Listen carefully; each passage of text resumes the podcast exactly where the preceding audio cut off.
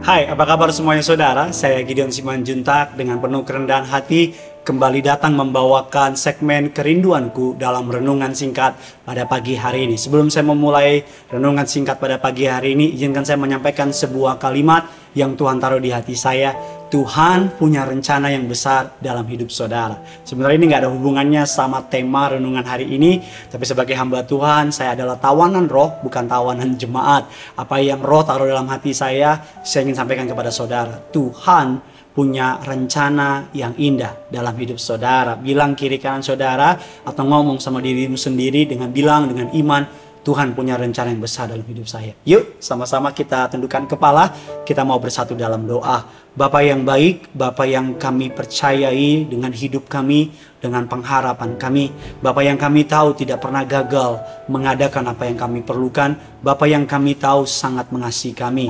Rancanganmu besar dalam hidup kami. Rancanganmu indah dalam keberadaan kami. Kami siapkan hati kami untuk diberkati oleh segmen kerinduanku pada hari ini. Pakai hambamu, lidah bibir perkataannya diurapi dari surga. Setiap kata, setiap kalimat nama Tuhan yang dipermuliakan. Dalam nama Bapa Putra Roh Kudus, hamba juga berdoa siapa pun yang menonton segmen kerinduanku pada pagi hari setiap mereka sepanjang hari ini mereka boleh mengalami favornya Tuhan, kebaikannya Tuhan, berkat mukjizatnya Tuhan. Dalam nama Bapa, Putra dan Roh Kudus, dalam nama Tuhan Yesus sama-sama yang bangga punya Tuhan Yesus sama-sama kita katakan amin. Keluarkan pulpen saudara, keluarkan catatan saudara. Hari ini temanya sangat romantis, yaitu adalah tak hanya mencipta, tapi juga mengasihi. Kita buka dasar firman Tuhan, Yohanes 3, ayatnya yang ke-16. Yuk sama-sama kita baca, karena begitu besar, pasti sudah hafal semuanya. Karena begitu besar kasih Allah akan dunia ini.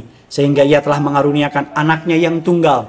Supaya setiap orang yang percaya kepadanya tidak binasa melainkan beroleh hidup yang kekal. Bilang kiri kanan saudara yang punya surga sayang banget loh sama kamu. Amin saudara, walaupun nggak ada bilang sama diri saudara, berhenti menganggap atau berharap validasi dari orang lain, engkau sudah divalidate oleh yang punya surga. Surga approve saudara, surga sangat mengasihi saudara.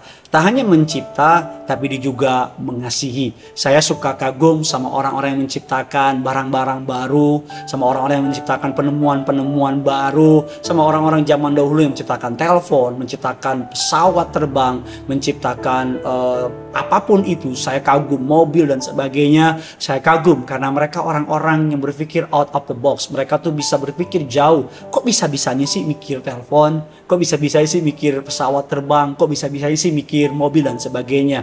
Tetapi tahukah saudara, mereka hanya mencipta tapi tidak mengasihi.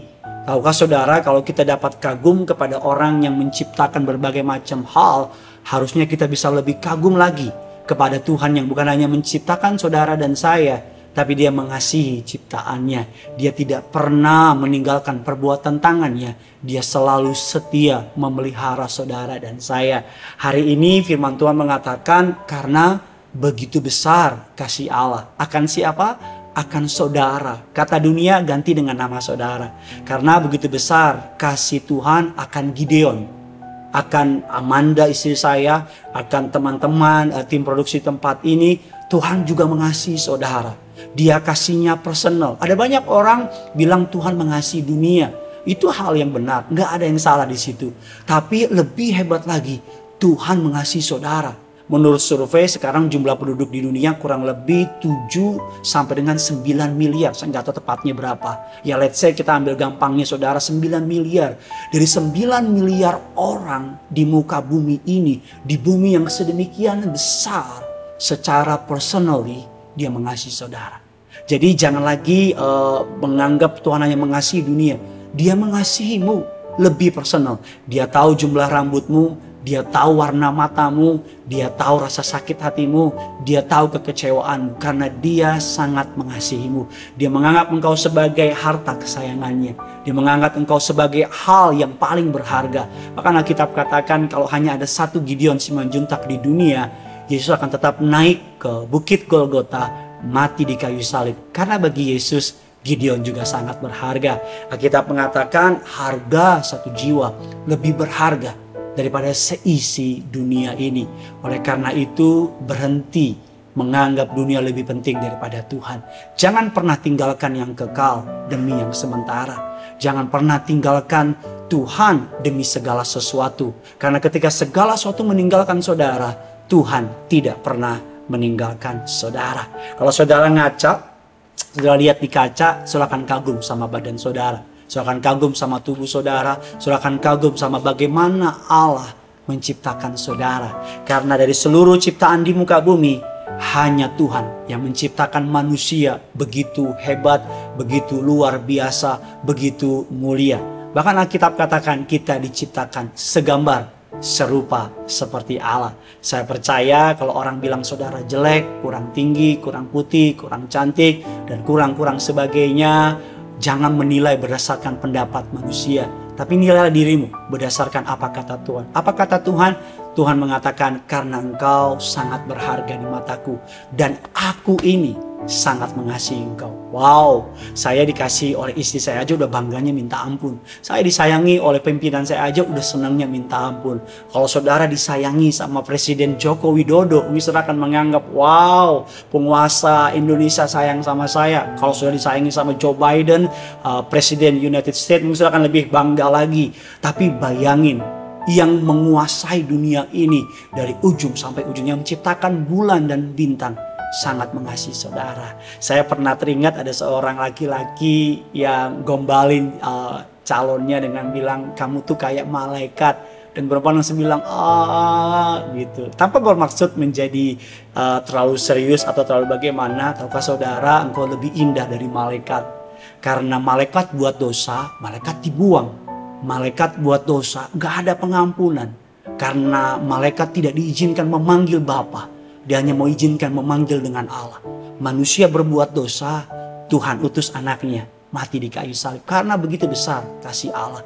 Bahkan Tuhan izinkan saudara memanggil dia dengan sebutan, Ya Aba, Ya Bapa. Allahku, Bapakku yang sangat kukasih. Bahkan doa yang paling intimate yang Yesus ajarkan, kalau engkau berdoa, berdoalah demikian. Bapa kami yang di surga, dikuduskanlah namamu. Engkau bukan yatim piatu, walaupun mungkin secara manusia papa mamamu tidak ada atau tidak peduli sama saudara, tapi engkau dikasih oleh yang punya surga. Berhenti memandang rendah dirimu, berhenti memandang kurang keberadaanmu, mulai memandang dirimu dengan cara Allah memandang saudara.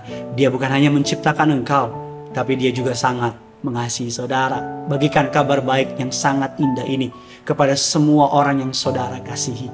Bagikan kepada mereka yang sedang mengalami kurang percaya diri, yang sedang mengalami serangan tentang identitas diri, yang sedang mengalami ketakutan tentang gambar diri. Bilang sama mereka, eh gue punya pesan yang indah. Yang punya surga sangat mengasihi lo. Jangan lupa komentar di bawah sini. Jangan lupa untuk subscribe, jangan lupa juga untuk like. Karena algoritma dari YouTube semakin banyak saudara yang like dan komen, maka kami dapat lebih banyak didengar oleh orang-orang di YouTube channel. Dan bukan tentang Gideon Simanjuntak, tapi tentang Yesus yang sangat mengasihi kerajaan surga, yang punya surga. Dengan bangga sama-sama kita katakan, crazy love with you and with you. Bye-bye.